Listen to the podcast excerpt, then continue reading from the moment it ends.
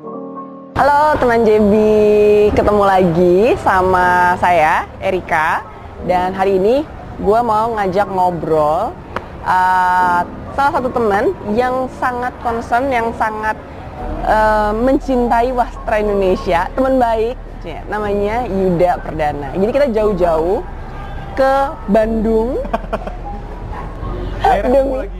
Ketemu lagi. Sebenarnya tuh kita sering banget ngobrolin soal uh, wastra Indonesia, tapi nggak um, pernah kita dokumentasikan kayak gak, gini ya, nggak pernah. Jadi hari ini khusus kita mau ngomongin soal yang lagi in banget uh, beberapa tahun belakangan ya dari 2000 ya, 2017 Tenun Sumba. Nah, uh, banyak dari teman-teman nih sebenarnya suka banget atau ada yang pernah make paling enggak tenun sumba? Mm-hmm. tapi mereka tuh nggak tahu sebenarnya tenun sumba tuh apa sih? Terus kemudian um, tenun sumba tuh jenisnya apa aja? Nah uh, tadi nih kita sambil jalan-jalan kita nemu buku tenun sumba.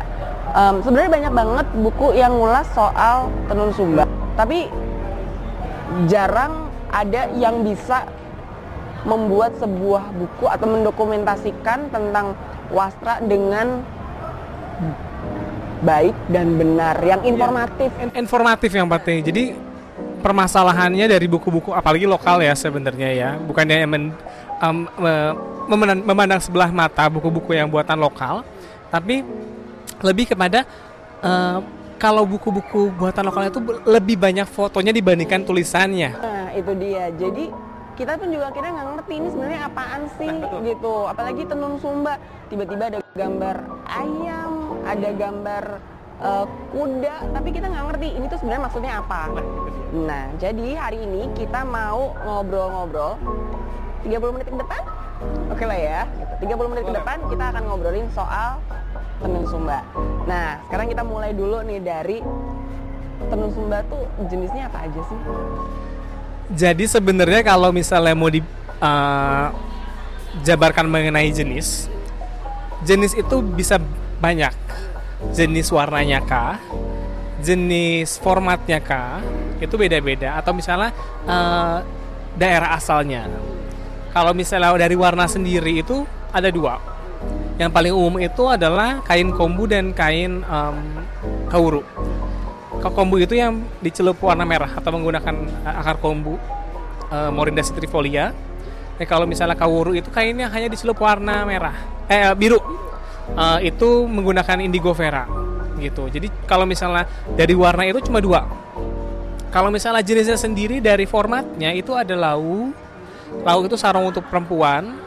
Lalu ada hinggi kain untuk pria sampiran tapi ada juga jenis-jenis yang lain yang kecil-kecil seperti misalnya um, ada tiara. Tiara itu untuk ikat kepala. Lalu ada ruhu banggi dan yang tidak umum itu adalah sebenarnya um, halenda seperti selendang. Karena di Sumba sendiri itu tidak mengenal selendang. Nah, jadi uh, selama ini tuh selendang itu di Sumba itu digunakan sebagai ikat kepala dan juga untuk pria. Tapi kalau untuk pria sendiri itu ada dua jenis, namanya hinggi sama hinggi paduku atau tiara paduku. Jadi itu untuk selampiran pria, tapi umumnya itu uh, terdiri dari kain yang sama. Gitu. Jadi kalau misalnya selendang sendiri itu nggak ada di Sumba. Ini kan hmm. udah dibawa ini. Iya, Nah, kalau yang ini namanya apa nih? Nah, ini tiara. Ini sebenarnya buat ikat kepala. Iya. Nah ini tuh sebenarnya dia buat tiara, tapi dia nggak dipotong. Gitu. Jadi dia dari kanatang. Nah jenis-jenisnya juga beda-beda dari mulai si teknik pembuatan, mbak. Nah kalau teknik pembuatan, Nih. ceritain deh. Paling umum ya, paling umum itu hemba, hemba atau hiamba itu tuh tenun ikat. Jadi tenun ikat itu paling umum di Sumba itu hemba atau hiamba. Proses pembuatannya itu adalah kita tuh kadang suka bingung tenun ikat itu apa sih? Tenun ikat itu sebenarnya nggak cuma ada di um, Sumba doang, tapi di berbagai daerah di Nusantara tuh ada. Dari mulai um, Sumatera sampai ke Sulawesi itu ada tenun ikat. Tapi di Sumba itu uh, apa ya uh, penggambaran motifnya itu paling realistis gitu. Kalau yang lain itu kan stilasi stilasi nah kalau di Sumba itu kayak misalnya contohnya seperti ini ya. Gambar ayam ya gambar ini ayam bebek bebek gitu kan ya. Terus ada gambar uh, kuda kuda gitu. Jadi mereka sangat jujur terhadap si uh, uh, penggambarannya gitu kan. Nah ini cara membuatnya itu bukan kainnya diikat tapi benangnya diikat uh, untuk merintangi warna ketika dicelup. Jadi sebelum ditenun itu motifnya udah jadi gitu. Kalau misalnya si kalau misalnya kita ngomongin mengenai masalah batik gitu ya kalau batik itu kan kainnya dijadiin dulu kain baru dimotif. Kalau ini tuh sebelum jadi kain sebelum ditenun si benangnya ini dimotif dulu. Nah caranya diikat dengan menggunakan tali gewang. Nah tali gewang diikat-ikat-ikat sesuai dengan motifnya. Nah nanti nih misalnya kayak gini ya. Ini warna biru. Nah yang diikat itu misalnya motif ini ayam. Nah ini yang warna putih ini tuh dia dengan cara diikat dan warna asal dan warna e, benang hmm. kan dasarnya awalnya adalah putih, putih semua iya, jadi e, begitu nanti saya diikat dia diikat e, mana yang mau ditinggalin yaitu yang dia ya.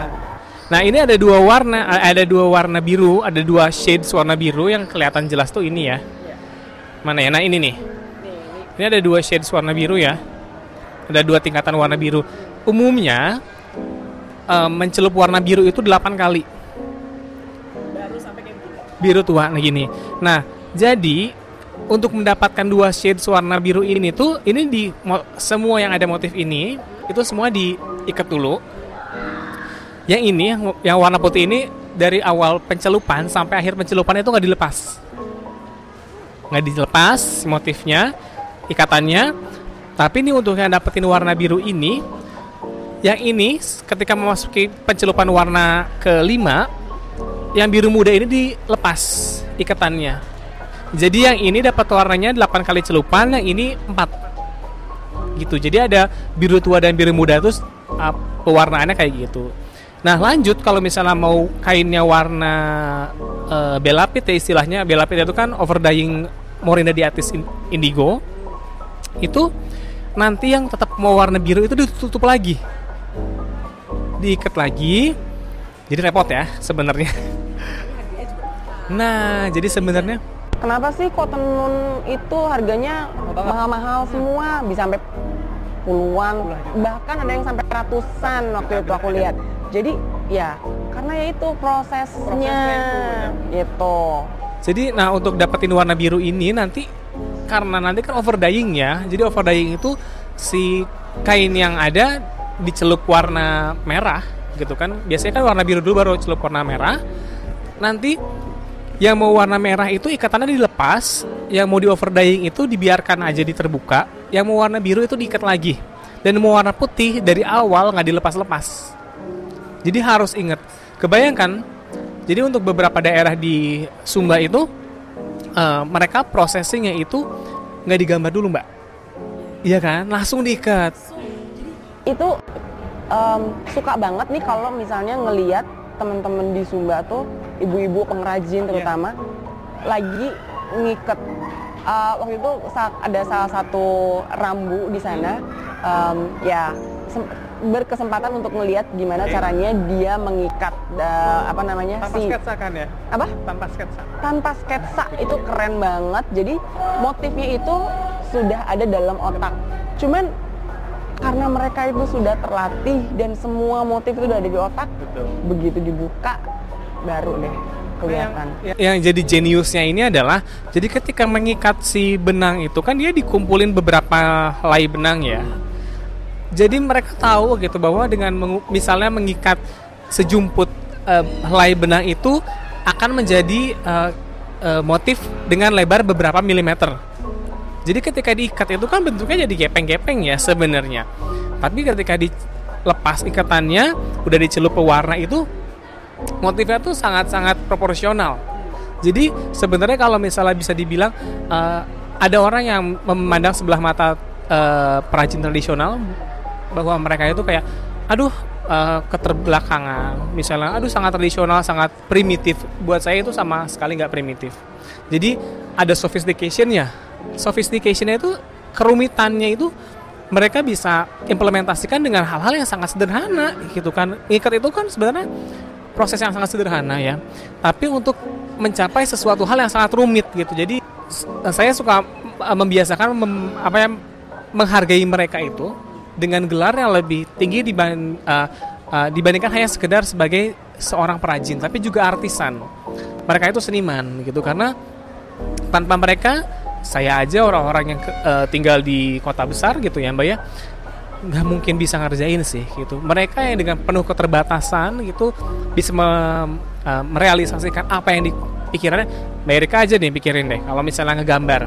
Kita udah ada di pikirannya oh, saya mau kan nggak belum tentu belum tentu sesuai dengan imajinasi bener nah ini tuh mengikat gitu ya. Jadi mereka punya uh, mereka merekam sesuatu di kepala mereka mereka menerapkannya di atas helaian benang gitu. Dan yang sangat rumitnya lagi adalah ketika motifnya itu sangat rumit mereka harus melewati proses pewarnaan kan panjang lagi. Ceritanya itu panjang gitu ya. Juga bukan cuma ikat terus jadi secara instan. Karena proses pewarnaan itu kan um, bisa memakan waktu hingga berbulan-bulan lamanya gitu kan.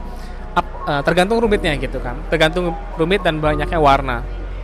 Jadi bahkan kayak misalnya biru aja kemarin ada yang sampai biru tua banget itu tuh nggak dibelapit jadi dia celup lagi birunya sampai tua banget.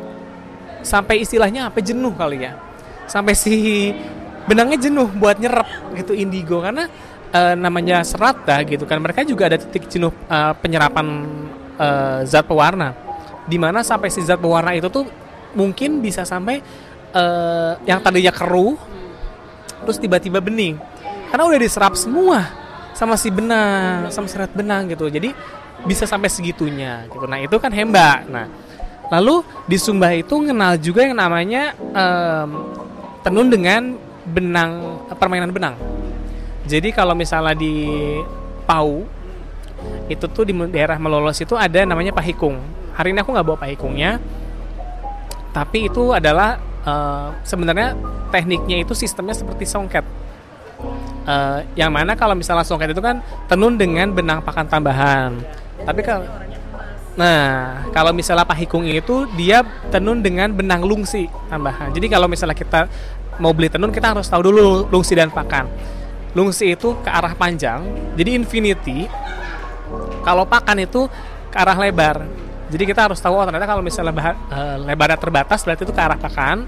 Kalau misalnya dia mau ratusan meter pun bisa di, uh, bisa kejer gitu ya itu um, lungsi gitu. Nah jadi kalau misalnya di daerah lain itu songket itu benang uh, tenun dengan benang pakan tambahan. Kalau di Sumba itu karena uh, ikatnya ikat lungsi tenun dengan benang pakan tambahan juga eh dengan benang tambahannya juga itu di lungsinya nah ada juga setelah pahikung pahita nah ini pahita yang aku bawain satu juga pahita Iya, ini di Kanatang. Ini Jadi, ciri khas di Kanatang. Sama di Pahi uh, di uh, Preliu. Oh, juga ya? Jadi karena ada oh, iya, Preliu ram, ada satu teman sana nih rambut intan. Mm -hmm. Dia buat juga. Nah, jadi karena di sana tuh ada kawin mawin. Jadi uh, oh, dari desa adat mana kawin dengan desa adat sini. Jadi mereka membawa budayanya. Jadi kalau misalnya mau di trace sih sebenarnya gampang, cuma kadang suka ada yang buat juga. Tapi karena e, membuat sesuatu itu kan bukan hal yang mudah ya. Mengajarkan sesuatu yang baru itu kan bukan hal yang mudah. Jadi pasti e, kita bisa melihat e, berkembang enggaknya itu e, terbatas dari kemauan seseorang untuk belajar. Itu aja sih sebenarnya. Jadi kadang misalnya ada orang yang ah saya sudah biasa menggunakan apa menggunakan teknik ikat, biasanya sih mereka nggak belajar yang lain gitu. Jadi mereka expertise-nya di situ aja. Nah, bedanya dengan pahikung, kalau pahikung itu base-nya satu. Jadi base-nya itu si lungsi, langsung ada benang tambahannya lagi yang lebih tebal. Nah, Nah, iya kayak disulam. Uh, tapi ditenun. Yeah. Nah, tapi kalau pahita itu si lungsinya double, rangkap